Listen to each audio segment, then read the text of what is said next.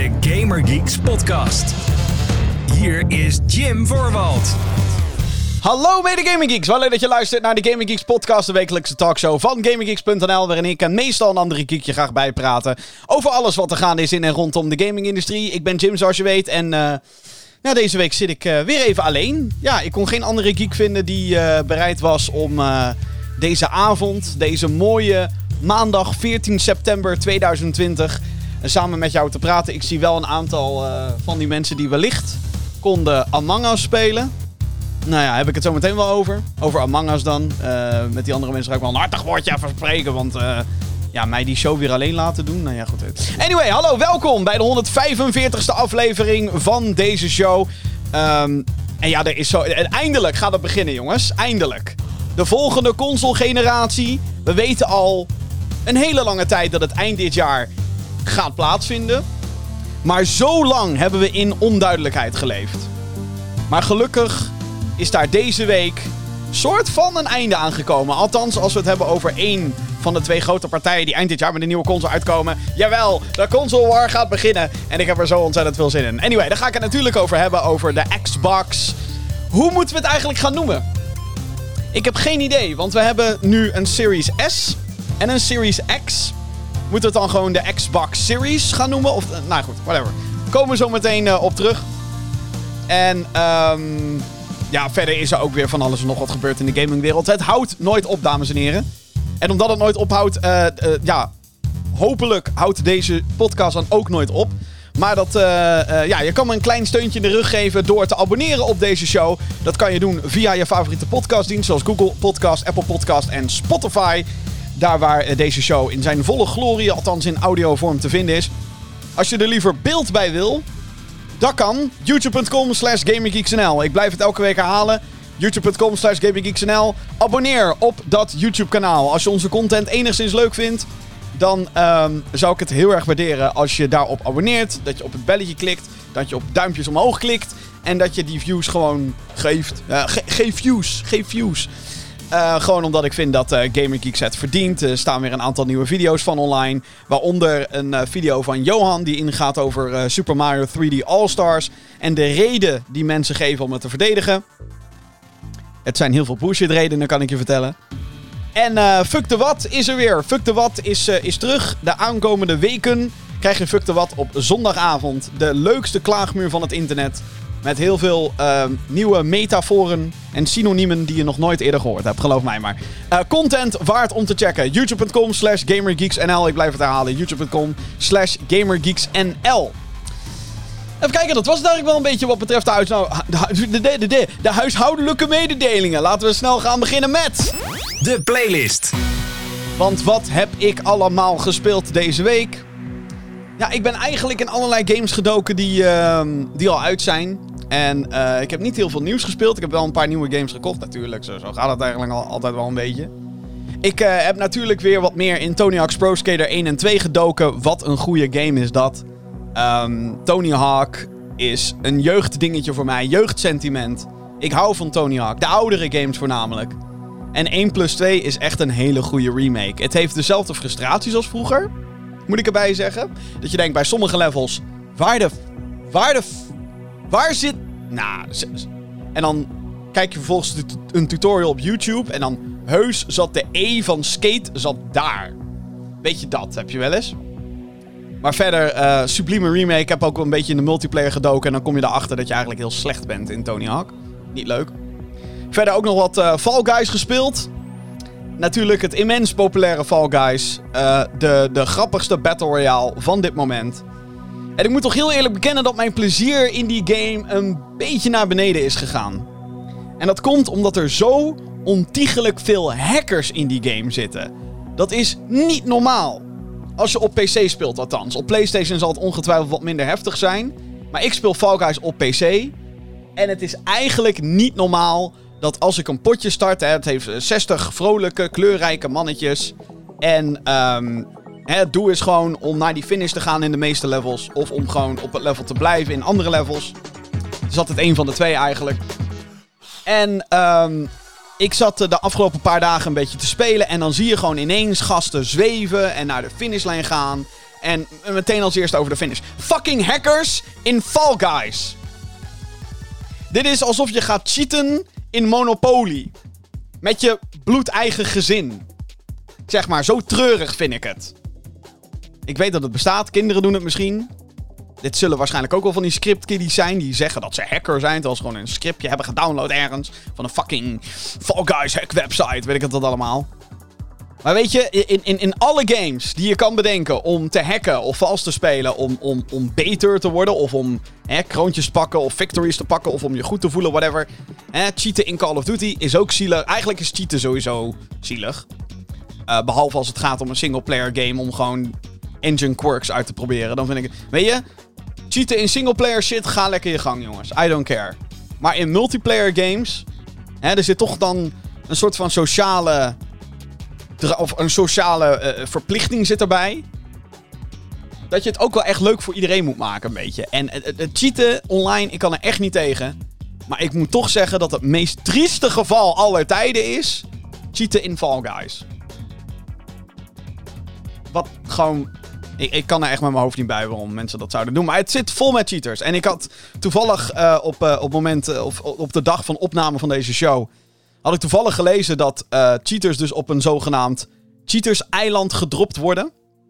Wat ik dan wel weer humor vind of zo.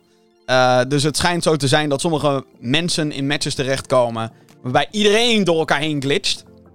En dat is dus alleen maar cheaters.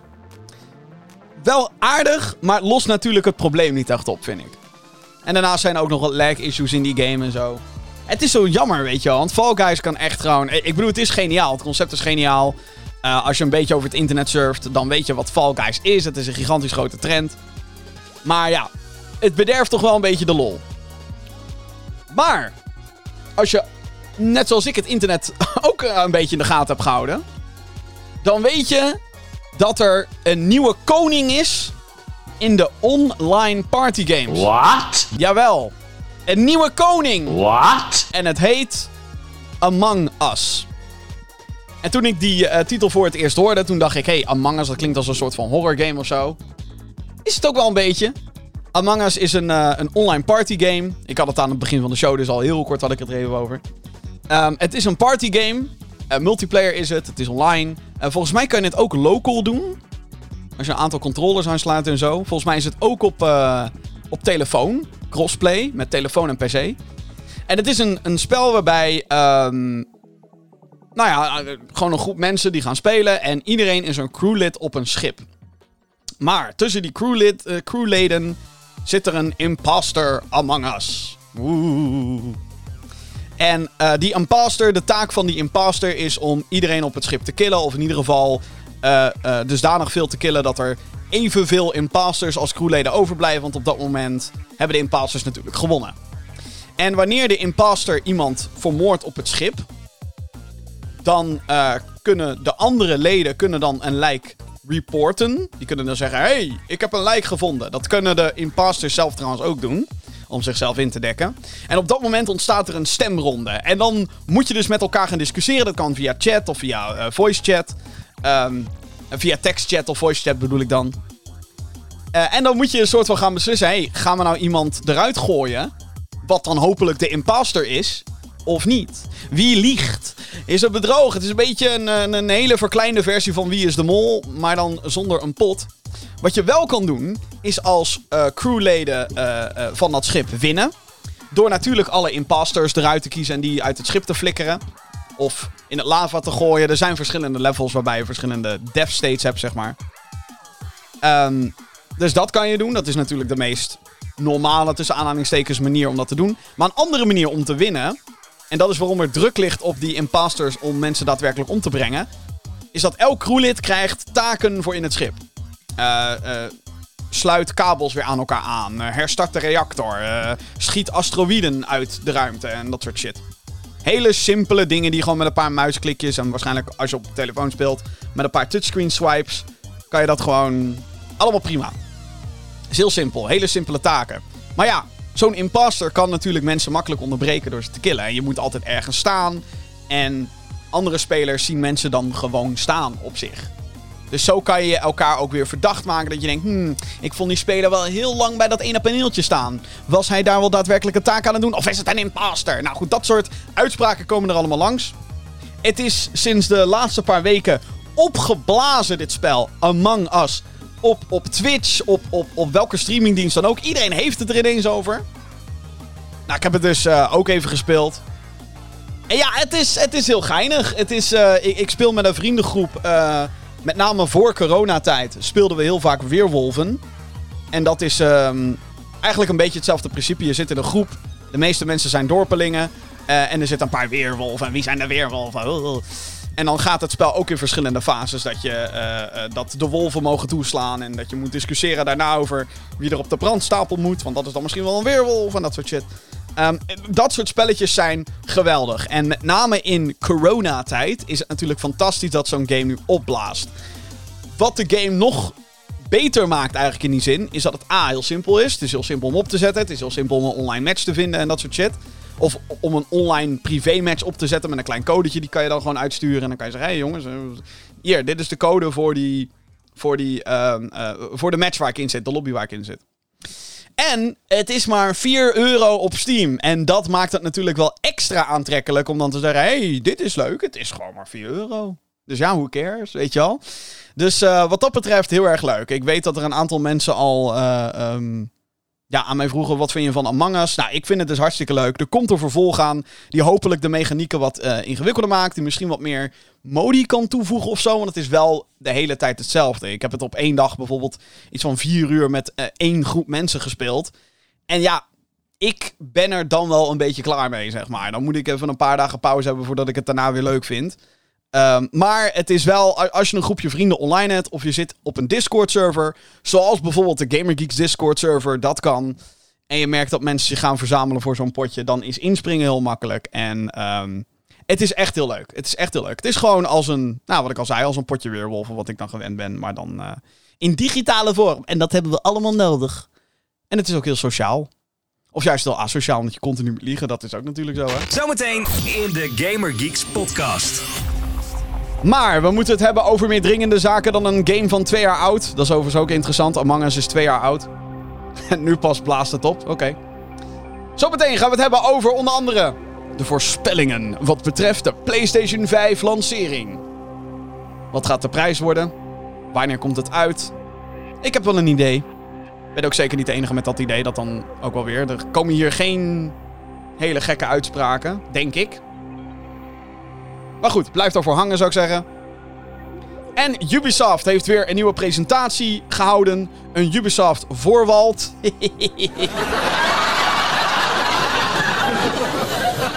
Sorry, ik bedoel natuurlijk een Ubisoft Forward. En daar zijn weer een aantal games aangekondigd. Gaan we het zo meteen natuurlijk ook over hebben. En de mailbox podcast.gaminggeeks.nl. Ik heb echt een hele leuke vraag binnengekregen via podcast.gaminggeeks.nl. Dus hey, mocht jij ook een hele leuke vraag hebben voor deze show. En je denkt, hé, hey, ik wil wel dat Jim het daarover heeft. Of ik heb advies nodig of whatever. Podcast.gamergeeks.nl. Nieuws. De consoleoorlog gaat beginnen, dames en heren. Dat was toch wel de grootste headline van de afgelopen week. De Console War Episode 9 gaat beginnen. Zo, zo noem ik het dan even. Xbox heeft namelijk officieel de Xbox Series S aangekondigd. De S dus. Van Simon. En van Podcast. Juist. de Series S is een kleinere uh, variant van um, de Xbox Series X. En uh, bevat een 512 gigabyte SSD-schijf. Uh, minder grafische kracht dan zijn grote broertje, de Series X. En er ontbreekt een disc, een disc tray, wat de Series S een digital-only console maakt. Volgens Xbox is de kleinere console in staat om games te draaien op 1440p tot wel 120 frames per seconde. Dit is natuurlijk afhankelijk van welke games er afgespeeld worden of moeten afgespeeld worden. Backwards compatibility is ook nodig met, of ook mogelijk met alle generaties, maar dan zonder de toevoegingen van Xbox One X. De Xbox Series S heeft een aantrekkelijke prijs van 300 euro bij launch. Niet lang daarna heeft Microsoft ook de release details van de Xbox Series X bekendgemaakt. De krachtige console gaat 500 euro kosten. Dus de Series S 300 en zijn grote broer 500. Zowel de Xbox Series S als de Xbox Series X komen op 10 november uit.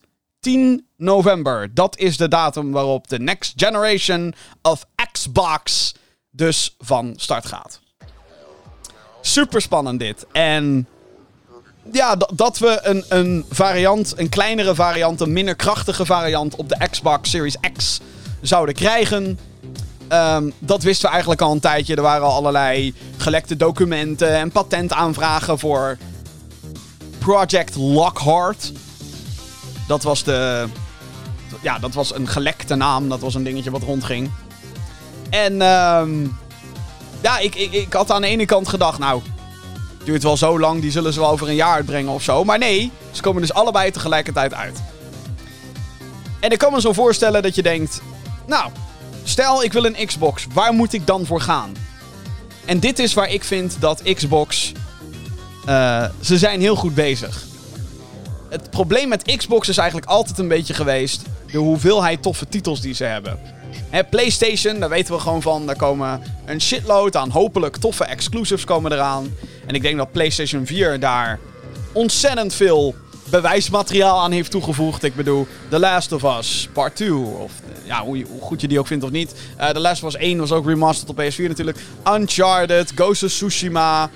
God of War, Horizon Zero Dawn, Days Gone, Concrete Genie, uh, Dreams. Ja, Dreams zelf niet groot fan van, maar het schijnt dat heel veel... Ratchet Clank en weet ik wat allemaal. Dus je, weet gewoon... Bloodborne. Fucking Bloodborne, jongens. Wauw. De, titels blijven komen. PlayStation 4 was zo ontzettend goed. Uh, nee, maar... Ja, wel, wel. PlayStation 4 was al ontzettend goed. Maar op de games gaat Microsoft dat gewoonweg niet winnen. Al helemaal niet de aankomende paar jaar, omdat het, wat mij betreft in ieder geval heel duidelijk is dat Microsoft niet heel veel heeft. Ze hebben een Fable game, ze hebben een nieuwe Forza Motorsport. Er komt ongetwijfeld een Gear 6. En ze hebben Halo Infinite. Maar al die shit, ik bedoel, Halo Infinite is uitgesteld. Die komt niet bij launch. Die komt pas in 2021. Uh, eh, en ze weten gewoon dat ze qua games altijd een beetje achterlopen. Uh, en het is eigenlijk heel grappig om te zien dat ik persoonlijk van mening ben dat Xbox juist de laatste paar jaar hun momentum een beetje heeft gevonden qua hoe fucking vet sommige games zijn. Ik bedoel, ik vind de Battletoads reboot heel tof, maar daar heeft Microsoft voor wat voor reden dan ook amper marketing achter gezet. Ik vind Tell Me Why, ik heb één chapter daarvan gespeeld van de drie. Ik vind het heel dope. Um, Ori and the Will of the Wisps is een van mijn favoriete games van het jaar. Is in feite ook een Xbox game. Ik bedoel, het wordt uitgegeven door Xbox Game Studio. Dus er zijn echt wel toffe games. Alleen op de een of andere manier um, ja, zien mensen dat niet als de crème de la crème, zeg maar, van, van, van gaming. Van first party, van first party titels. En ik denk ook niet dat dat stigma gaat veranderen. Maar de grote troef die Xbox hier heeft, is dat het overduidelijk is wat de strategie is. De strategie van Xbox is nu Game Pass. Dat is die abonnementsdienst waarbij je een klein bedrag per maand betaalt. Met name als je voor de Ultimate gaat, dat is uh, eh, 15 euro per maand. Dan heb je zowel Xbox als PC en Xbox Live Gold. Dat abonnement dat stelt je in staat om iets van, wat is het, meer dan 100 games te spelen. En die gaan in roulatie en alle exclusieve games van Xbox, die komen naar die dienst. Dus die zijn te spelen op Xbox en PC. Dus dat betekent Halo, nou al die titels die ik eigenlijk zojuist heb opgenoemd. Fable, Halo, Gears, Ori, Tell Me Why, Battletoads, Leading Edge. Whatever de fuck ze allemaal nog meer hebben. Rare Games, Seal Thieves. Al die dingen zitten inbegrepen bij dat abonnement. En dat maakt het natuurlijk ineens een stuk aantrekkelijker. Plus allerlei third-party titels die er ook nog eens aan worden toegevoegd aan die dienst. Nou zit dat niet er alleen maar in. Maar nu heeft Xbox ook aangekondigd dat EA Play erbij gaat zitten. Nou is EA Play niet...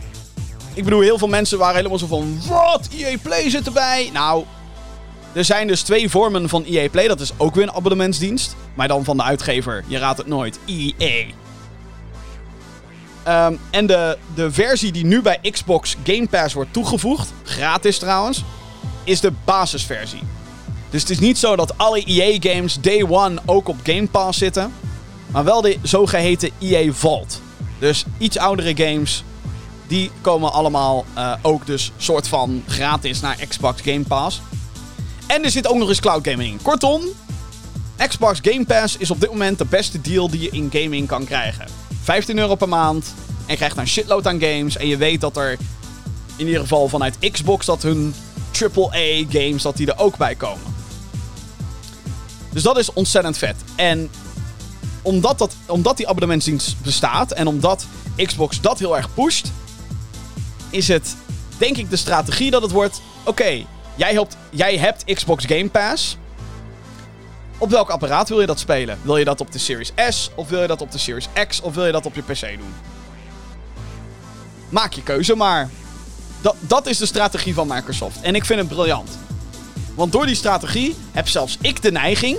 En ik heb nog niet eens een Xbox Game Pass. Ik ben nu nog eigenlijk zo'n sukkel en een dief van mijn eigen portemonnee. Door gewoon die games apart te kopen. Hè, tell me why, hoppakee, 30 euro had ik twee maanden Xbox Game Pass voor kunnen hebben, bijvoorbeeld. Heb ik gewoon gekocht. Gewoon op Steam, whatever. Het is nu dus zo, althans, in mijn ogen is het zo, oké, ik heb Xbox Game Pass. Wel, welk apparaat? En als jij mij advies moet vragen, Jim, voor welk apparaat moet ik gaan? Dat hangt natuurlijk heel erg af van wat je zelf wilt. Heb je bijvoorbeeld al een collectie aan Xbox One discs en je wilt discs blijven kopen, dan is de keuze wat mij betreft heel logisch en dat is Series X. Daar zit een discgleuf in, in de S niet, de goedkopere. Um, ja, ben je echt hardcore gamer? Ben je iemand die zegt, oh my god, ik ben een gamer en ik, wil, ik speel weet ik hoeveel spellen per jaar, holy fuck. Ja, dan is voor mij ook de keuze logisch. Dan is het X. X is je keuze. Daar zit ook 1 terabyte aan schijfruimte in. Is uit te breiden met nog een terabyte voorlopig. Je wel, dan heb je genoeg schijfruimte en zo. Dus voor wie is de Series S dan gemaakt? Als je niet voor de luisteraars van deze podcast, zeg ik je alvast. Want ik denk dat als je naar deze podcast luistert, dan zit je toch wel een beetje in dat geek hoekje van, van videogames. Um, als je uh, vast naar deze, als je meerdere afleveringen van deze podcast hebt geluisterd, dan ga ik ervan uit dat je een beetje weet wat ik allemaal zeg. En uh, daar moet je toch ook wel een soort van basiskennis voor hebben. Ik weet dat dit niet de meest toegankelijke show is op het internet. Hm. Maar voor wie is die Series S dan wel gemaakt? En dit is waar het briljant is. De Series S is dus een console die op 1440p games kan afspelen. Is niet erg, want er zijn nog zat huishoudens die dan wel nog steeds een 1080p tv hebben. Of die zien het verschil gewoonweg niet. Sommige mensen zien het verschil gewoonweg niet tussen 1440p en 4K. 1440p zit er natuurlijk ook soort van tussenin. Tussen 1080p en 4K. Wordt allemaal fucking ingewikkeld allemaal. Maar het is wel alsnog een grote kwaliteitsboost ten opzichte... Of een, hè, een krachtboost ten opzichte van de huidige Xbox One consoles. Um, dus voor... Ik, ik noem het even heel uh, stereotyperend. Voor gezinnen die van plan zijn om niet superveel games tegelijkertijd te spelen. Daar is zo'n harde schijf van maar 512 gigabyte. Voor die mensen is het niet zo'n groot probleem. Want die spelen Call of Duty, die spelen Fortnite, die spelen misschien FIFA en dat is het. En als ze niet met een van die drie games bezig zijn, dan spelen ze misschien nog een klein gamepie. Eh, of een gamepie. Ze spelen één game in de drie maanden. En als ze daar klaar mee zijn, dan zijn ze klaar mee. Deleten ze die shit ook meteen van die schijf. Gaan ze door naar het volgende. En juist voor dat soort mensen. En dat bedoel ik overigens helemaal niet beledigend. Want dat, dat zijn er weet ik hoeveel. Voor die mensen is dit perfect. 300 euro. En je hebt gewoon een next-gen console in huis staan. Het is 300 euro. Dat is de prijs van een fucking Switch. Geen Switch Lite. Dat, de Switch Lite is wel goedkoper. Maar een fucking Switch. Dat is een fucking goede deal. Jeetje. Voor een next-gen system, zeg maar. Het is echt een fucking goede strategy. En het is een strategy waar PlayStation voorlopig nog niet bij kan. Want ik denk dat de PlayStation wel een stukje uh, duurder gaat worden. En omdat de Xbox Series S ook zo goedkoop is, 300 euro, wordt het ook meteen veel toegankelijker als een extra apparaat die je misschien wel wil halen. Gewoon, oh ja, ja, ik, ik heb een Game Pass bijvoorbeeld. Of hey, ik heb al een PlayStation en ik heb al een Switch bijvoorbeeld. Je hebt een PC staan misschien. En je denkt, nou, maar ik wil toch zeg maar in die ene slaapkamer waar ook een televisie staat. Wil ik ook gewoon even makkelijk kunnen gamen of zo. Wel een beetje hashtag first world problems wat ik nu voorstel. Maar alsnog. Nou ja, ik ook nog even een Series S. Fuck it. Bam, 300 euro's en daar staat hij. Klein, lekker klein doosje ook. Niks mis mee. Het is zo'n fucking goede strategie. Voornamelijk omdat juist die focus ligt op Game Pass. Dat is waar mensen naartoe moeten. En ik vind het. eh, ik vind dat dat deze console-generatie heel interessant maakt. Want we hebben nu drie partijen die compleet andere manieren hebben van hoe ze dingen aanpakken. Nintendo gaat steeds meer richting speelgoed, gaat steeds meer richting. Zeg maar, zij willen echt het Disney onder de gameconsoles worden, onder de gamebedrijven. Wij zijn Disney, wij hebben Mario. En dat kent iedereen. Wij hebben speelgoed gebaseerd op Mario. We hebben Zelda. Weet het is gewoon... Zij zijn Disney. PlayStation is nog... Hè, dat, dat is nu... Komen ze eigenlijk heel conservatief over. Zo van, wij hebben gewoon een krachtige console. En wij hebben exclusieve games. Vind ik niet erg. Deze boomer hier, die praat. Ik denk, prima. Let's go. En Xbox die denkt... We gaan het gewoon... zij zijn wat meer aan het nadenken over hoe distributie in de toekomst werkt. Of waar we eigenlijk nu middenin eh, zitten. Je ziet het al met eh, de, de, de, de dalende verkoop van, van CD's. En, en de dalende verkoop van Blu-rays en DVD's. Mensen zitten op Netflix. Mensen zitten op Disney Plus. Mensen zitten op fucking Amazon Prime, Hu- Hulu, HBO Max. Weet ik veel wat de fuck er allemaal nog meer is. Te veel. En dat is waar Xbox naar gekeken heeft de afgelopen paar jaar. En die zegt: kijk, dat is de toekomst, de digitale revolutie. Vind ik wel jammer, want ik ben dus inderdaad zo'n boomer die zoiets heeft van... Ik koop sowieso discs. Want fuck jou. Terwijl ik heel erg het gemak snap van digitaal. Want hey, je drukt op een knop, het gaat downloaden en je kan spelen. En je hebt geen rotzooi in je huis. Ik hou van rotzooi. Ik koop bijna elke fucking collector's edition die er is. Hmm, Dat was een portemonnee die helde overigens. Maar nee, super interessante strategie. En ik denk dat dit. ehm, ja. Het gaat niet meer zozeer om wie verkoopt de meeste consoles. Dit is natuurlijk fijn voor Xbox als er heel veel Xboxes verkocht worden. Maar eh, ik geloof bijna in hun. Ik denk, ik denk dat ik in hun marketingpraatje ga geloven. En dat eh, voor hun het aantal units wat ze verkopen er echt niet meer toe doet. Het gaat om die dienst. Mensen moeten abonneren op de dienst Xbox in plaats van een doos kopen met Xbox. Net zoals dat je bij Netflix abonneert op de dienst Netflix en niet dvd's koopt of een doos waar Netflix op afgespeeld kan worden. Dus ja, ik vind het super spannend. En eh, ja, 10 november gaat het dus gebeuren. Xbox Series S en Xbox Series X. Enige probleem is, we moeten nu wel een naam verzinnen voor, voor Xbox. Gaan we het gewoon Xbox Series noemen dan? Geen idee. Maar, meer console war nieuws. Woehoehoe. En ik vind het spannend. Want PlayStation heeft aangekondigd dat het op woensdag 16 september om 10 uur s'avonds Nederlandse tijd gaan ook zij een presentatie houden. Verdere details die zijn officieel niet bekendgemaakt, behalve dat het over PlayStation 5 gaat. En ja, weet je, we hebben de, de, timing. Ik bedoel, we hebben nu het nieuws van Xbox hebben we nu gehad. We weten wanneer die uitkomt, we weten wat de prijs wordt van Xbox.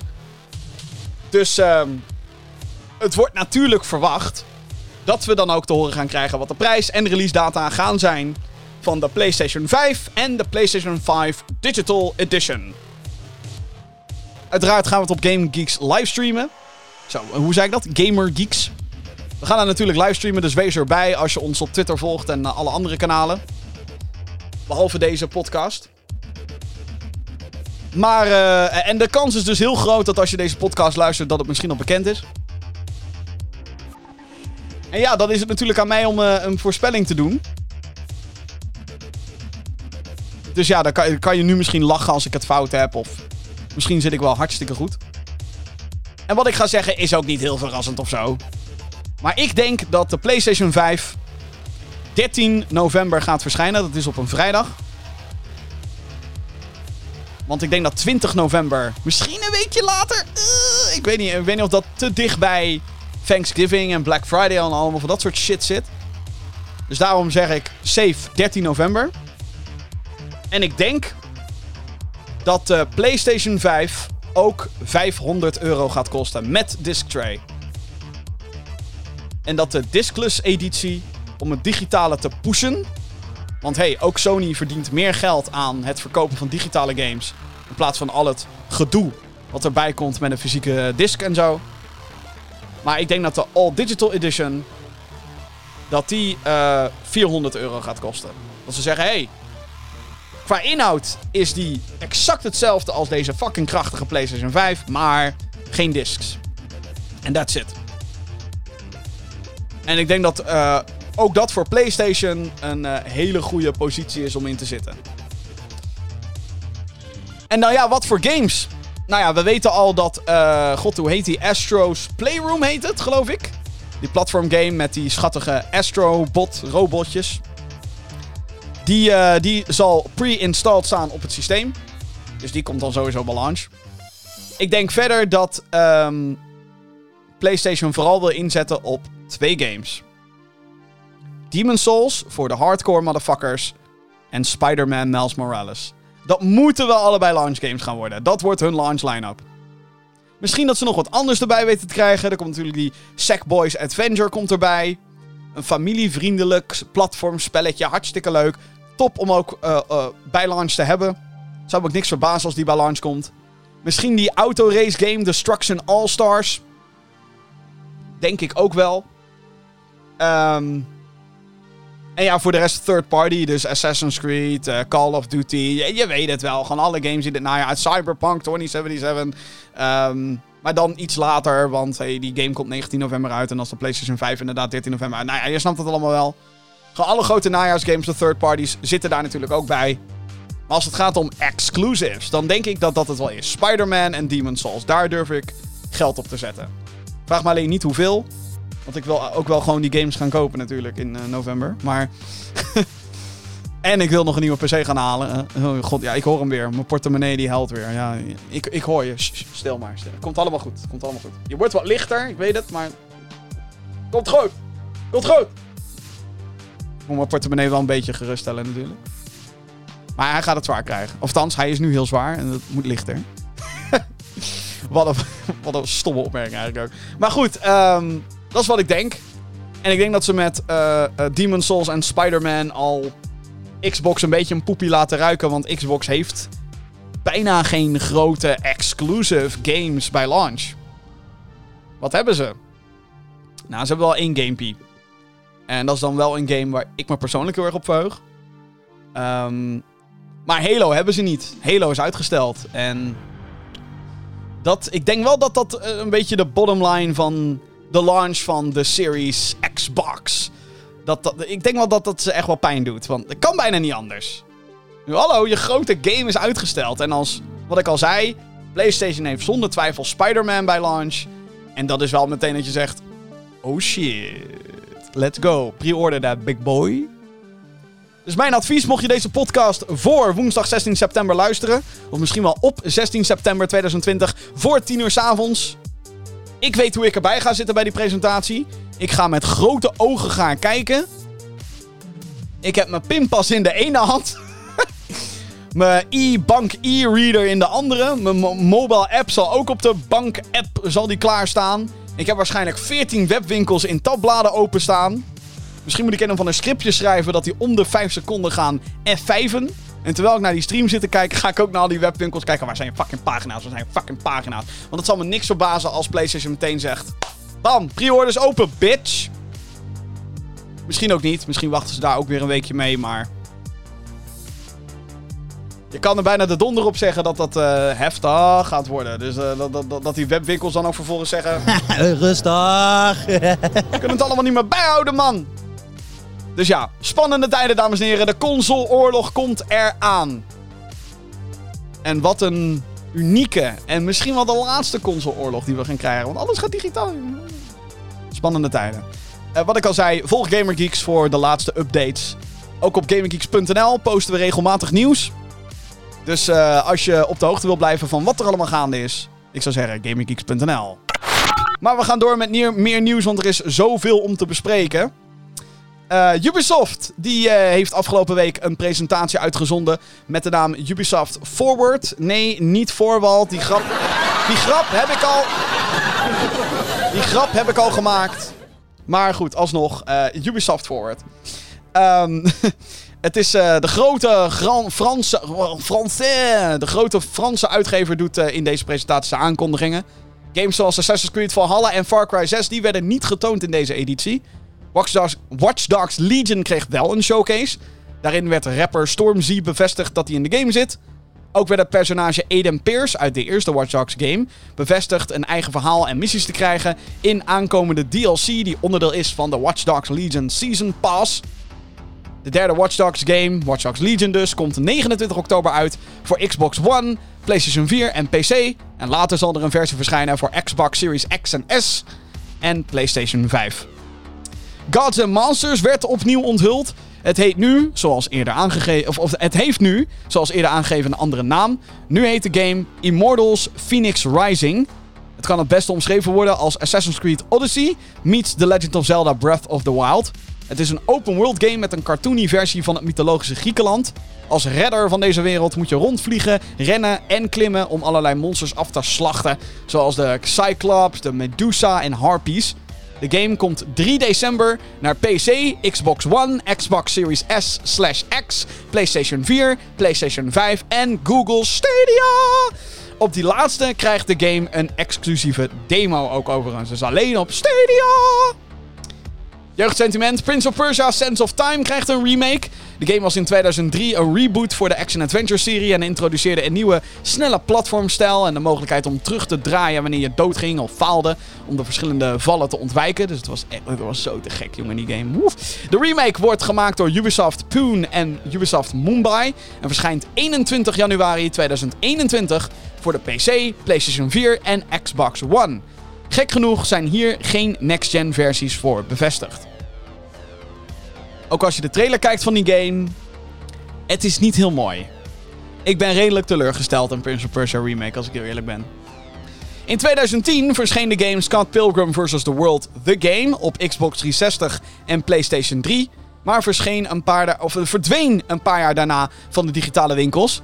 Ubisoft heeft nu aangekondigd dat de game terug gaat keren op PC, Xbox One, PlayStation 4, Nintendo Switch en Google Stadia. Eind dit jaar komt de zogeheten Complete Edition uit.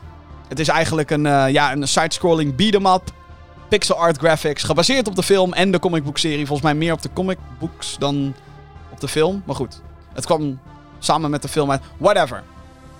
Als laatste werd Riders Republic onthuld. Een open world massive multiplayer extreme sports game waarbij je kan mountainbiken, airgliden, snowboarden en skiën. De game zal een carrière mode bevatten en dus zat multiplayer opties. Het doet een beetje denken aan Trackmania, maar dan met andere sporten. Riders Republic komt op 25 februari naar PC, PlayStation 4, PlayStation 5, Xbox One, Xbox Series S/X en Google Stadia. Andere games waren niet bij de presentatie aanwezig. Over Beyond Good and Evil 2 werd bijvoorbeeld niets gezegd. En vlak voor de presentatie werd bekendgemaakt dat Skull and Bones weer terug naar de tekentafel is gegaan. Ook die was daarom niet aanwezig op deze Ubisoft Forward. Zoals mensen zich afvragen: hey Jim, hoe zit het nou met, uh, met Beyond Good and Evil 2 en Skull and Bones? Beide in fucking development hell. Ja. Goed, laten we even langs de, de nieuwe games gaan dan van deze presentatie. Um, want ik heb er een beetje gemengde gevoelens over. Als eerste um, Gods and Monsters. Nu beter bekend als Immortals Phoenix Rising. Ten eerste vind ik de naam kut. Ik vond Gods and Monsters gewoon veel beter. Ten tweede, um, ja, het is echt gewoon Assassin's Creed Odyssey. Met wat Breath of the Wild uh, gimmicks en een cartoony stijl eroverheen. Het probleem met deze game is dat dit te snel na Assassin's Creed Valhalla komt. Voor iemand die zeg maar meerdere dingen achter elkaar wil spelen, die ook oprecht benieuwd is naar deze game. Ik denk dat deze game gewoon. eh, eh, Ze hadden dit beter uit kunnen stellen, zeg ik heel eerlijk. Als ze dit naar 2021 getild hadden, was dat veel beter geweest. In een rustigere periode, waarbij mensen niet bezig zijn met Call of Duty, met, de- met Cyberpunk, met Assassin's Creed. Met... En dan komt dit er nog even achteraan kakken op 3 december. Ik vind het niet slim. Ik zeg niet dat de game slecht is of wat dan ook, want het ziet er eigenlijk heel leuk uit. Ik bedoel, ik ben fan van Assassin's Creed Odyssey. En daarom wil ik juist ook Assassin's Creed Valhalla gaan spelen. Eh, en daarom lijkt dit me ook wel weer heel erg leuk, weet je wel, omdat het gewoon een cartoony versie is van wat we al gezien hebben. Maar eh, zo snel achter elkaar, jongens. We hebben er geen tijd en geen geld meer voor, eer dat het 3 december is. Weet je wel? Dit is gewoon te veel, jongens. Kom op. Eh, eh, Breng dit uit op een tijd dat het beter uitkomt. En ik weet het, corona en shit is waarschijnlijk uitgesteld. Dat allemaal was niet de bedoeling. Mm, Maar ja, alsnog. alsnog. Ik vind het gewoon niet zo handig. Nou, ik zei net al even, Prince of Persia. Di- dit is een franchise waarvan ik dacht... Ubisoft heeft scheid. They don't fucking care. Ja, dat gaan ze niet doen. Maar nee, Prince of Persia Sense of Time krijgt een remake. Eh, alleen... Ik vind het, wat ik al zei, ik vind het er niet goed uitzien. Ik vind het wel tof dat ze de game en updaten. En dat ze niet à la Nintendo zeggen... Fuck it. Je krijgt gewoon drie oude games. Alhoewel dat dan wel meteen een completere collectie is dan de Super Mario 3D All-Stars collectie, maar goed. Ik had hier gewoon wat meer van verwacht. Er zijn gewoon zoveel PS4 games die er zoveel beter uitzien dan dit. En ik vind sommige designkeuzes wel echt heel tof. En ze hebben daadwerkelijk de moeite genomen om bijvoorbeeld ook alle voice acting opnieuw op te nemen. Dus daar ligt het niet aan. Het is alleen. Er klopt gewoon iets niet, zeg maar. Misschien dat ik daarom deze ook wel heel graag op PC wil spelen in plaats van de consoles. Eh, misschien nog meer dan normaal. Omdat het echt wel lelijk is. ik, ik kan het ook niet omschrijven waarom ik het lelijk... Ja, het is gewoon allemaal niet zo netjes afgewerkt. En dan kan je natuurlijk zeggen, Jim, komt pas eind januari, waar heb je het over? Maar als het in zo'n trailer... Als je in een trailer, de aankondigingstrailer al denkt... "Ah", dan voorspelt dat meestal niet heel veel goeds. En het, ja, de kartelrandjes zijn aanwezig, laat ik het zo zeggen. En eh, dat vind ik wel teleurstellend, ondanks dat ik hier ontzettend veel zin heb. Want Prince of Persia Sense of Time was een van mijn pubergames. Eh echt eh, zoveel lol mee gehad met die game. En met zijn eh, sequel Warrior Within op Gamecube. Oh man. Plat gespeeld die shit. Wat een goede game was het origineel. Dus ik hoop in ieder geval dat, dat deze game... Dat de remake net zo goed speelt als het origineel. En dan kunnen we nog een beetje naar de graphics kijken van... Oké, dat had beter gekund, maar... De game is nog steeds heel goed, I guess. Hoop ik. Denk ik. En ja, dan die einder van die presentatie. Riders Republic. Ja, die snapte ik helemaal geen reet van. Het eh, kwam voor mij een beetje over als type 2. Ik weet niet waarom Ubisoft een obsessie heeft met extreme sports, maar... Op de een of andere manier wist deze trailer totaal niet te communiceren wat het nou was. Ja, je ziet heel veel mountainbikers, je ziet heel veel mensen skiën, je ziet heel veel mensen fucking snowboarden. Maar wat doe je nou in die game? Is het een soort Tony Hawk? Is het een Trackmania? Moet je racen? Of moet je trucjes doen? Nou, het schijnt van alles en fucking nog wat te zijn. En... Nou, ik, ik snap deze gewoon niet zo goed. Het was ook zeg maar een CG-trailer, dus je kan ook niet echt... Je kan ook niet echt commentaar geven van... Oh, het ziet er mooi uit, want het is een trailer, weet je wel. Het is geen gameplay.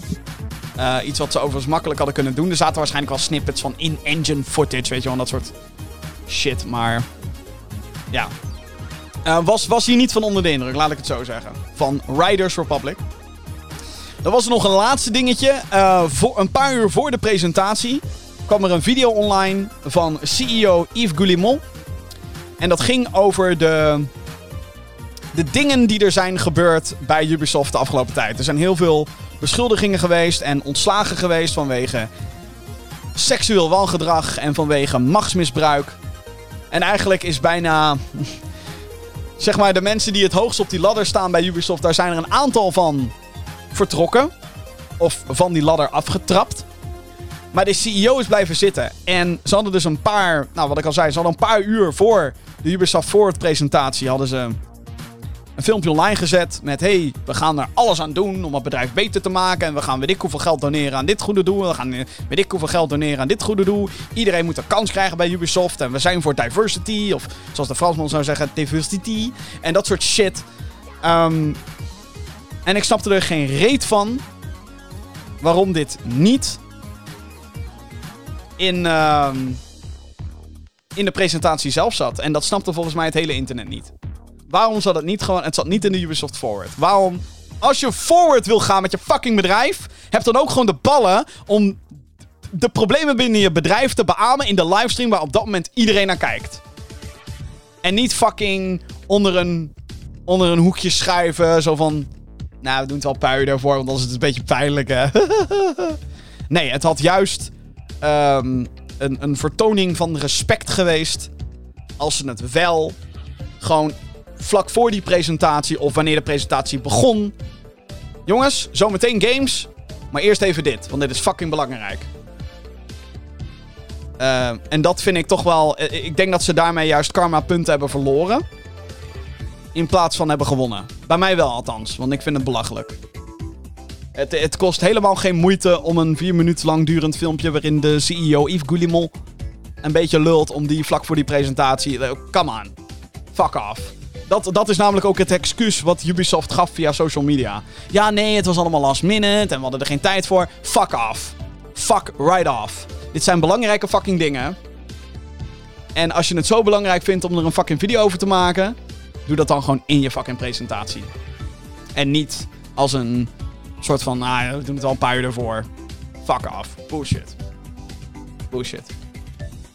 Verder nog steeds heel veel zin trouwens in de games hoor. Eh, Far Cry, zin in. ehm, Prince of Persia, zin in. Immortals. Ja, zo wel. Ik, eh, liever Assassin's Creed dan dat, zeg maar. Maar, whatever. Oké, nou, eh, door. Namelijk naar release data. Een aantal release data zijn namelijk verschoven deze week. Zoals je eigenlijk wel zou verwachten in nou ja, het nieuws wat we allemaal al hebben gehad in deze aflevering. De Falconeer, ontwikkeld door de Nederlander Thomas Sala, die komt bijvoorbeeld uit op 10 november voor Xbox Series X, S en PC. En volgens mij komt hij ook nog naar Xbox One. Eerder werd al aangegeven dat die game eh, eh, met de Xbox Series X zou releasen. En nou ja, dat, nu weten we de datum, 10 november. Het is daarmee een van de weinige titels die niet op PlayStation verschijnt en daardoor als een soort van exclusive beschouwd kan worden. De Falconeer is een open world vlieg combat game waarbij je op eh, een grote valk zit.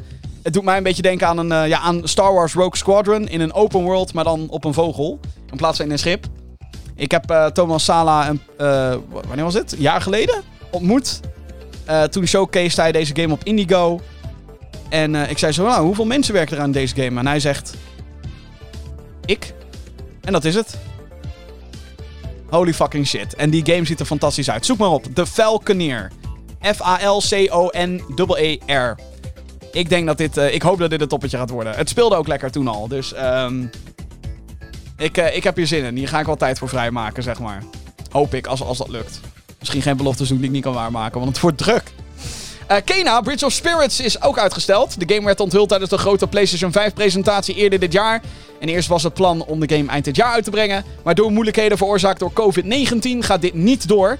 Kena staat nu gepland voor het eerste kwartaal van 2021 en komt naar PlayStation 4, PlayStation 5 en PC. Dat was die hele schattige game. Een action-adventure, 3D-platformer. Met soort van wollige zwarte monstertjes. Die een beetje eh, zich gedragen als Pikmin. In de positieve zin allemaal. Eh, heel erg tof zag het eruit. Dus ik denk niet dat eh, als ze daarmee de game goed kunnen maken. Prima, whatever. Stel maar uit, I don't care. De meest opvallende verschuiving is die van Assassin's Creed Valhalla. Het nieuwste deel van Ubisofts populaire open world franchise is niet uitgesteld, maar juist vervroegd. Eerst kwam de game uit op 17 november, maar dat wordt nu een weekje eerder. Dit is eh, gedaan om gelijk te releasen met de Xbox Series S en X, waar de game dus op verschijnt.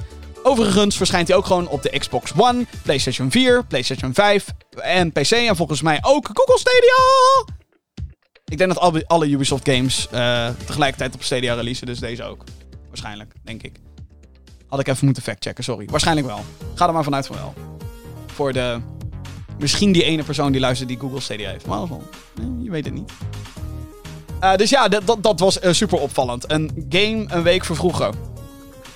Ik vraag me dus af of het eerst de planning was dat Xbox op 17 november uitkwam. En dat ze dachten, nee, we moeten eerder zijn dan PlayStation. Want misschien komt PlayStation wel eerder. Weet je wel, dat je, weet je dat krijgt. Weet ik niet. Het is maar een specu speculaas dit, maar... Wie weet.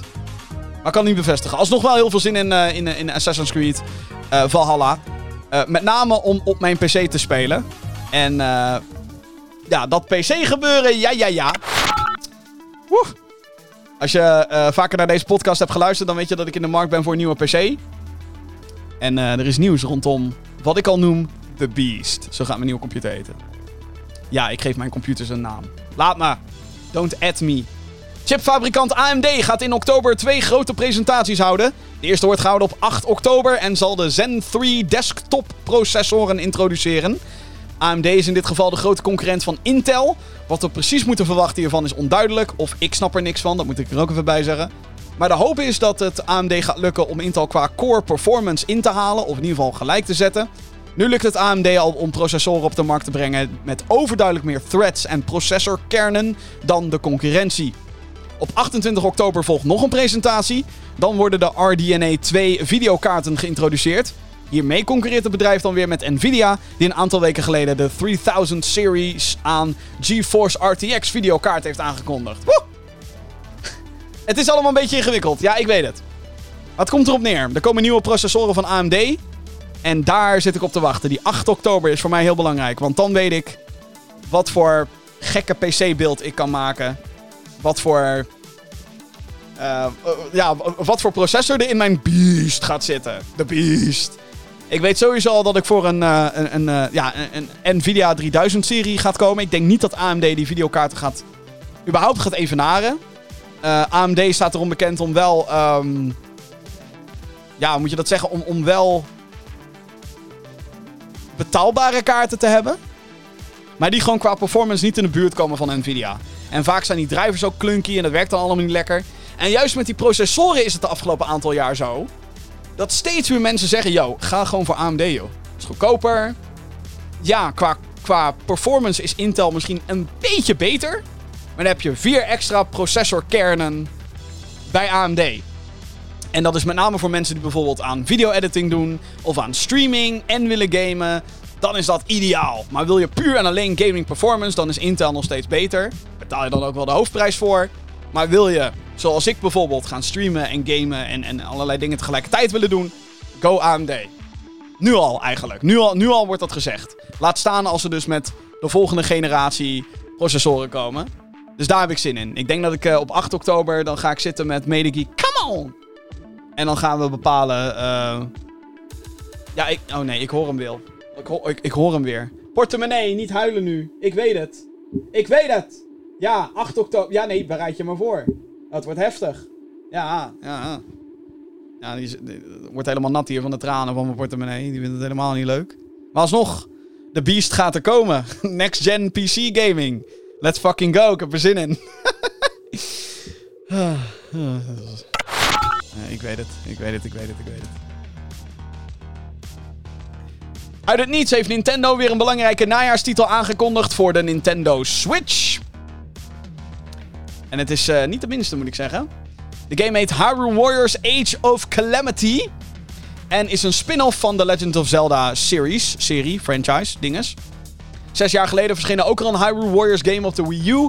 Deze is al gepoord naar de Nintendo 3DS en de Nintendo Switch. De spin-off is in principe een Dynasty Wars hack-and-slash game met gigantische veldslagen, maar dan in het universum van Zelda. Dit uh, semi-vervolg, kan je dat noemen, Age of Calamity, is bijzonder omdat het verhaal direct aansluit op een hoofddeel in de franchise. De game speelt zich namelijk 100 jaar af voor The Legend of Zelda Breath of the Wild en gaat uitleggen wat er voor die game dus allemaal heeft plaatsgevonden in de wereld van Hyrule. Hyrule Warriors Age of Calamity verschijnt 20 november voor de Nintendo Switch. Dit is dus een prequel een daadwerkelijk vervolg op Breath of the Wild is ook in ontwikkeling. Maar daar hebben we sinds de eerste aankondiging op E3 2019 niets meer van vernomen. Sterker nog, we weten nog niet eens hoe die fucking game heet.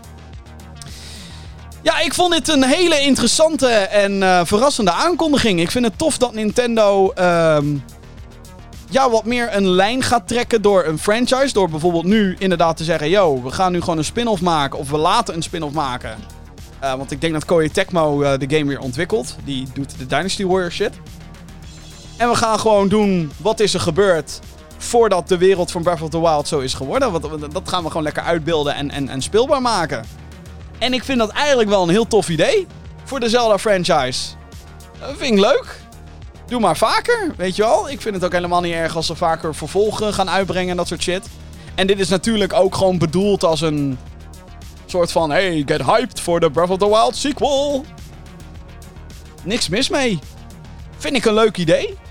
Eigenlijk. Ga ik het spelen? Dat is wel de vraag. Want het, wat ik al zei, het komt uit op 20 november. Ik zit dan natuurlijk met The Beast. Hè, de nieuwe PC. Assassin's Creed. Cyberpunk.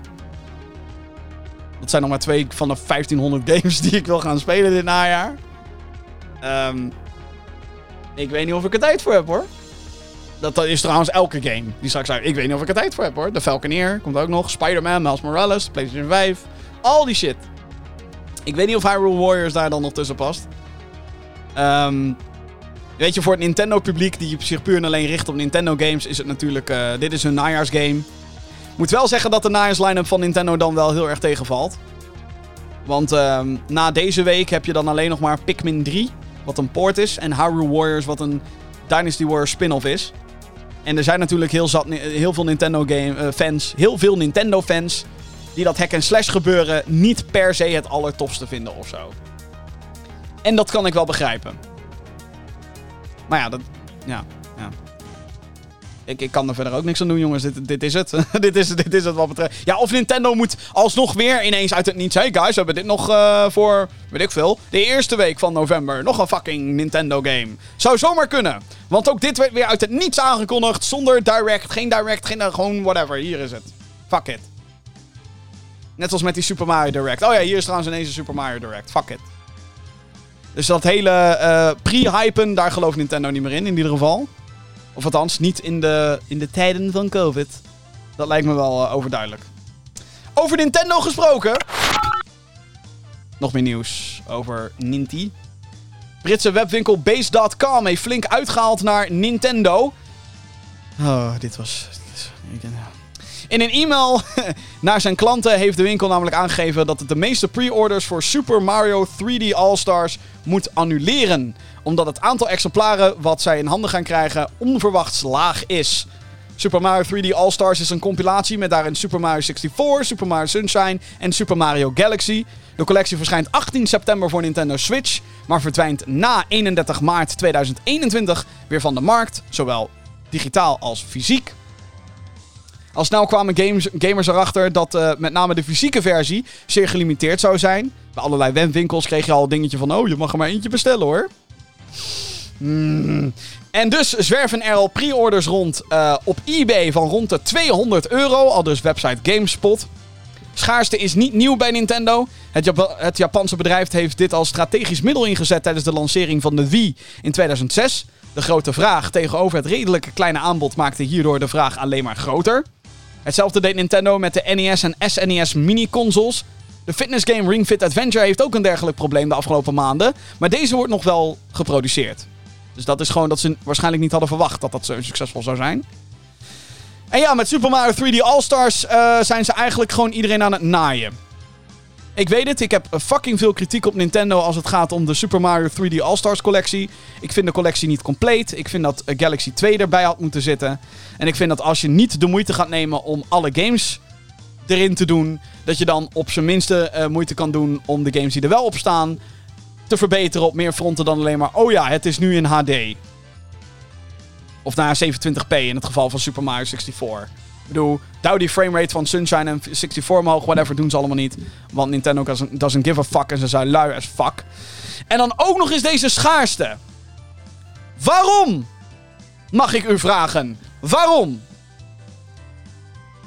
Er zijn weer letterlijk 0,0. En nee, ook COVID is nu geen reden waarom er een schaarste is aan cartridges voor Super Mario 3D All-Stars. Er is geen reden. De enige reden is dat Nintendo. Oh, kijk eens, dit is premium. Maar ik weet niet wat. Nintendo heeft er sowieso geen bal aan. Nintendo heeft er niks aan. De enige die hier winst uithalen zijn die motherfuckers op eBay en Marktplaats. Die met meerdere accountjes al die fucking webwinkels afgaan. En al die fucking exemplaren voor jouw neus weghalen. Zodat als jij die zit op cartridge wil, dat jij meer moet gaan betalen via eBay, Marktplaats of whatever. Vind je dat leuk? Nintendo veroorzaakt zelf deze shit. Zonder fucking reden. Ik kan hier heel pissig om worden, zoals je misschien merkt. Want het is complete fucking onzin dat ook hier weer een schaarste is. Het is onzin. Absolute bullshit. Het is een luie collectie. Het is schaars gemaakt. Zowel. En die 31. Maar ja, eh, ik hou erover op. Want anders ga ik weer in een complete. Er, is, er staat een complete rant van mij online op gamingkicks.nl. Waarin ik 21, bijna 20 minuten los ga. Over waarom deze collectie fucking bullshit is. En dat ik dan ook hoor dat, dat er weer zo'n schaarste is. Fuck right off. Het is complete fucking onzin. En het is een grote discrediet naar je fans toe. Dat is het vooral. Die fans die nu, juist in dit soort situaties, Nintendo kaart gaan verdedigen. Jullie worden het hardst genaaid. Dat je het bij deze weet. Zonder reden. Gewoon door Nintendo. Zonder glijmiddel ook, mag ik erbij zeggen. Dus ja, ik snap heel goed dat die retailer boos is en dat hij zoiets heeft van... What the fuck is dit? Want als een retailer, zeg maar, zich genoodzaakt voelt om te mailen met... Yo, we krijgen er echt tering weinig. Ja. Ik kan er gewoon echt met mijn kop niet bij. Ik kan er echt met mijn kop niet bij. Je zou misschien kunnen zeggen, joh, die retailer heeft een grote inschattingsfout gemaakt. Dat is natuurlijk ook wel zo. Maar Base.com schijnt een van de grotere te zijn. En dan kan je er wel van uitgaan dat zij ongeveer weten wat de oplage gaat zijn van elke game. En als dit dusdanig gelimiteerd is dat ze gewoon zeggen, nou, we moeten gewoon het merendeel cancelen. Dat is echt Het is fucking bizar. Fucking bizar. Hou op Nintendo te verdedigen, dames en heren. Hou op daarmee, want het is, het is nergens voor nodig. Heb jij een vraag voor de show? Mail naar podcast.gamergeeks.nl Tijd voor leukere dingen dan de mailbox. Jawel, die is er ook weer. En ik heb een eh, heel leuk mail gekregen van Ruben. Die zegt, hey geeks. Nou, het, zijn in dit, het is in dit geval maar eentje. Sorry, ik ben er maar eentje vandaag. Een korte vraag. Wat is een game die heel veel mensen heel slecht vinden, maar die jij juist super vindt? Groetjes van Ruben. Dit is een hele goede vraag. Hier heb ik even over moeten nadenken. Want als, um, als mensen een game slecht vinden, dan ben ik meestal van... Haha, ja inderdaad, stap op die A-trein. uh, nee, dat is niet waar. Uh, The Last was Part 2 bijvoorbeeld. Um, ja, dat, dat, is, dat is weer... Dat ik denk... Hmm, ja. Dat, uh, nou ja, goed. Whatever. Um, anyway. Uh, wat zijn nou games die ik slecht vind, of die ik goed vind, die de rest van de wereld slecht vindt? Althans, schijnbaar. Ik vond Crash Bandicoot Wrath of Cortex toen ik althans een puber was. Ik heb al jaren niet meer gespeeld, maar die vond ik niet slecht of zo. Iedereen zat helemaal. Crash, de slechtste Crash Bandicoot ooit. Nee, vind ik niet. Het was niet zo goed als de eerste drie. Bij lange na niet. Daar ben ik het hartstikke mee eens. Maar. Slechte game, Crash Bandicoot, Wrath of Cortex. Hm. Bij deze ook nog een reminder. Crash Bandicoot 4 komt 2 oktober uit. Fucking veel zin in. Hm. Ander voorbeeldje. Um, ik roep dit ook al, weet ik hoe vaak in de podcast. Niet dat mensen deze game ook slecht vinden. Maar dat maakt niet uit. Um, maar Bioshock 2. Bioshock 2 wordt door heel veel mensen gezien. Nou, die hoef je niet te spelen hoor. Dat is niet zo'n goede Bioshock. Fuck off. Fucking goede game. Is het zo goed als deel 1? Nee. Niet op alle fronten. Zeker niet qua verhaal, maar. Het, nog steeds een fucking goede game. Skip, als je, als je Bioshock The Collection gaat spelen, of je gaat de hele trilogy ooit een keer spelen, alsjeblieft, skip Bioshock 2 niet. Skip het niet, speel het. Het is heel goed, vind ik. En een, uh, een ander voorbeeldje die ik dan nog kan geven is Sonic Unleashed. Dat is uh, een Sonic game waarbij Sonic verandert in een werehog. Is dat belachelijk? Natuurlijk is het belachelijk. Maar ik vond de game dus prima speelbaar. Ik heb hem op de Wii gespeeld ook nog eens, of all fucking places. En ik vond hem eigenlijk best leuk. kan ik me herinneren. Lang geleden, hè, mensen. Dat moet ik er wel bij zeggen, maar... Ik snap niet waarom die game uh, de haat krijgt binnen de Sonic fanbase. Dat ik denk, hé, hey, je hebt Sonic 06. Je hebt uh, Sonic and the Black Knight. Dat zijn veel slechtere games. Eh, en om dan te gaan haten op Sonic Unleashed. I don't get it. Ik bedoel, ja, wat, wat ik al zei. Het is dat hele Weerwolf Sonic. Het is inderdaad fucking belachelijk, maar... En je zou kunnen zeggen, maar het is niet de Sonic gameplay. Meestal zuigt de Sonic gameplay. Dus, brah. Het eh, waren eigenlijk een soort van Crash Bandicoot leveltjes met, eh, met die Warehog, kan ik me herinneren. Althans, daar deed, daar deed het me toen de tijd heel erg aan denken. Ehm, en er zitten ook snelle 2D Sonic levels in. Dus het heeft ook nog eens die variatie. Ik snap de haat niet. Misschien moet ik het weer een keertje spelen en dan verander ik waarschijnlijk compleet van mening. Maar dat maakt niet uit. Ehm Tijn die heeft gemaild. Goedenavond, beste Jim. Goedenavond, Tijn. Elke week kijk ik met plezier naar jullie podcast, maar ik vraag me al een hele lange tijd af waar het befaamde bullshit-effectje vandaan komt. Fijne avond verder. ik, le- ik lees dit mailtje echt nu voor het eerst. Eh, het gaat over... Bullshit. Deze. Oké, dit, dit heeft... Oh my god. Dit heeft eh, even wat uitleg nodig, dit. Kutzooi. Ehm deze Bullshit. komt van een film. Een van de beste films ooit, zeg ik bij deze. Fucking goed. Ed Wood heet die film. Dat gaat over ehm, een regisseur genaamd Ed Wood. Die, was, eh, die heeft echt bestaan. Die maakte in de jaren eh 50 maakt hij allemaal fucking slechte films. En de, die film die is dus gebaseerd op zijn leven en de films die hij heeft gemaakt. Eh, het is eigenlijk een beetje de disaster artist. Voordat de disaster artist er was. Eh, Johnny Depp speelt daarin dus Ed Wood. En ehm, ja, die maakt dus allemaal films. En dat doet hij met een jeugdheld van hem. Namelijk Bella Lugosi. Die ook geweldig gespeeld wordt door Martin Landau. Eh, rest in peace. Die heeft er volgens mij ook een Oscar voor gewonnen voor deze rol. En in een van de scènes ehm, zijn ze dus een scène, of althans dan gaan in een van de scènes in de film, gaan ze dus een scène opnemen voor een film. Het wordt heel meta dit. En dan eh, komt er een guy naar hem toe en die zegt, eh, Mr. Lugosi, eh, mag ik een handtekening? En dan zit hij, certainly. En dan ehm, eh, zit hij, ja, ik vind je film zo leuk. Eh, vooral die ene met Boris Karloff. En Boris Karloff was een beetje zijn tegenpol, zeg maar. Hij speelde, eh, Bella Lugosi speelde Dracula, Boris Karloff speelde Frankenstein. En dan flipt hij een helemaal bla bla bla. En hoe durf je, how dare that asshole bring off Karloff, bla bla bla. Vervolgens komt Ed Wood komt erbij. Moeten we even, eh, wil je even wat, wat frisse lucht gaan halen? En dan is zijn respons, Bullshit. en dat is echt heerlijk. Daar, daar komt het vandaan. Hele lange uitleg voor iets wat compleet triviaal is. Maar eh, als je die film nog nooit hebt gezien, ga het kijken. Het is, ik vind het serieus een van de beste films ooit gemaakt. Het is een van mijn favorieten. Ik vind het een heerlijk film. Het is grappig, heeft een geweldige cast, zit een dramatisch verhaal in. De performances, het is zo ontzettend goed. En als je het voor het eerst ziet en je denkt, hé, hey, er is iets mis met dit, dit, dit filebestand die ik van BitTorrent heb afgehaald of whatever. Nee, het, het ligt niet aan je shit. De film is in zwart-wit. Maar het is zo goed. En het is Tim Burton en Johnny Depp op hun allerbest. En dat is absoluut geen... Bullshit. Het is een geweldige film. Check that out. Welkom bij Filmgeeks. De Filmgeeks podcast. Wat is jouw favoriete film van de week? Anyway. Eh Bram die heeft gemaild. Hoi Gaming Geeks, vroeg me af wat ver- verwachten jullie van de nieuwe GTA? Groetjes Bram. Eh, GTA... Bullshit. Ik mag hem er gewoon weer bij pakken, ook het geluidje. Dat is toch fijn. Eh, Bram, de nieuwe GTA gaat nog jaren duren. Jaren. Jaren. GTA 5 komt naar PlayStation 5. En Xbox Series X en S waarschijnlijk.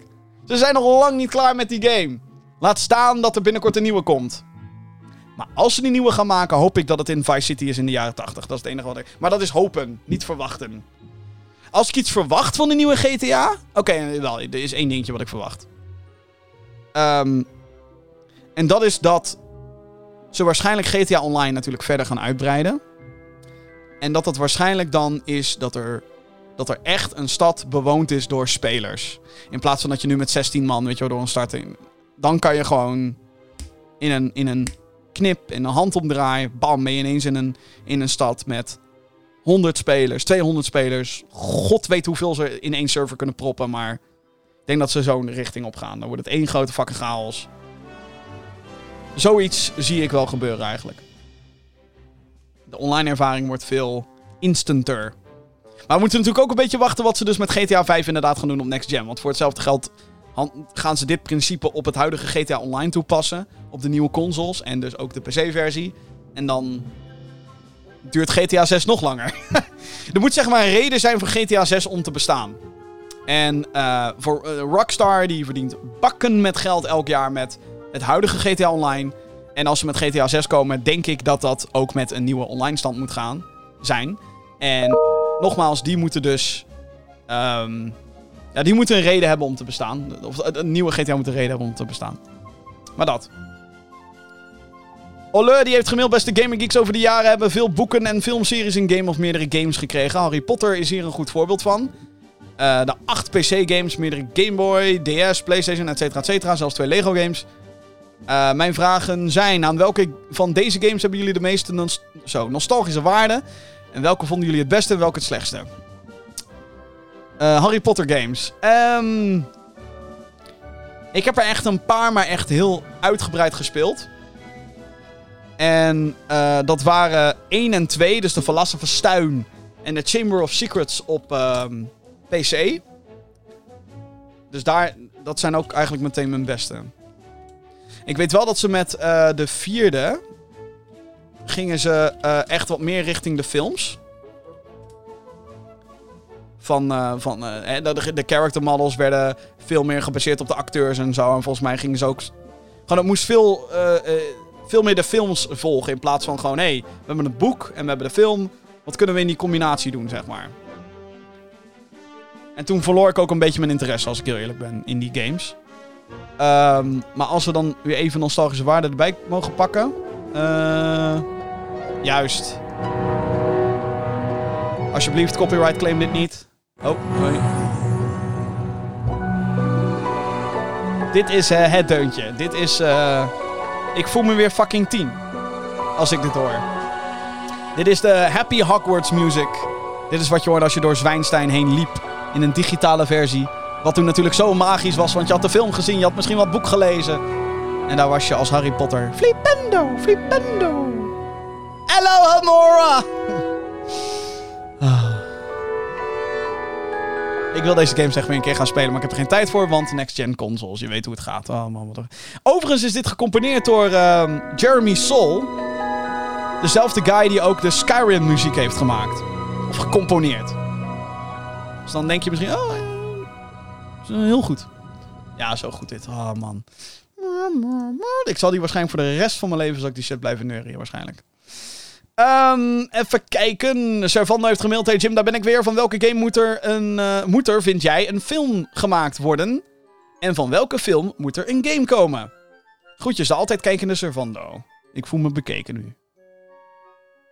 Misschien logisch, omdat ik dit op dit moment livestream en dit waarschijnlijk ook op YouTube ga zetten. Ehm, van welke game moet er, vind jij, een film gemaakt worden? Bioshock. Nou, weet Moeten is weer zo bullshit, zeg maar. Dat is weer... eh, oh, ik kan hem weer... Bullshit. Juist. Eh, moeten is onzin. Want je hebt, eh, net zoals dat boeken niet per se verfilmd hoeven te worden. Het kan wel, en het zorgt vaak voor een boost natuurlijk, ook voor de boeken en zo. Maar, ehm ja, welke... Heart of Darkness. Volgens mij, ik heb het idee dat ik dit wel eens eerder heb gezegd ook. Maar Heart of Darkness is een... ehm, is er eentje. Ehm, dat is een hele oude PlayStation game waarvan ik denk, let's go. Ik vind eigenlijk wel dat Disney moet gaan kijken naar de Star Wars Jedi Knight games. Maak een film over Cal Katarn. Dat kan allemaal post episode 9 of tussen episode 6 en 7. Nou, dan ga je misschien met de canon te veel kutten, zoals die er nu is. Maar na episode 9 een soort Cal Katarn character die in, in een... Hmm, dat je daar plotlijnen van pakt. Of in ieder geval dat character, zeg maar, eer aan doet of zo. Dat zou ik dan wel tof vinden. Of gewoon een Cal Katarn in de, in de Rebel Trilogy. Of gewoon de, de OG Trilogy. Dat, ze, dat, dat, dat zou tof zijn. Dat is dan ook een Star Wars game. Die ze dan een film maken. Ehm, maar dan moet je waarschijnlijk wel echt heel veel liberties nemen. En heel erg om wat er nu in de film kennen, zeg maar, allemaal gebeurd is en gedaan wordt. eh, daaromheen eh sneken, zeg maar. Eh, kan ik er nog eentje bedenken? Een game, een film. Ja, wat ik al zei, Bioshock kan. Ehm, hmm. Een lastige vraag dit soort van. Nou, weer eens hard op na te denken. Hard op, eh, hard op nadenken, kan ik hard op nog wat verzinnen? Nou ja, ik zou het niet, ik zou het niet slecht vinden als, eh, als Ubisoft nog een poging doet om Assassin's Creed te verfilmen. Ehm, maar dan moeten ze dat wel gewoon gaan doen op, gebaseerd op de verhaallijn uit de games. Zeg maar, niet proberen om een eigen verhaallijn ertussen te proppen, maar die is ook kennen met, met de games. Fuck af. Gewoon vertaal gewoon de eerste game tot een film. Misschien wil je al meteen naar deel 2 skippen. Dat, eh, dat je Ezio Auditore Referente er meteen bij haalt. Maar dat, eh, dat zou ik doen. Ehm, hmm.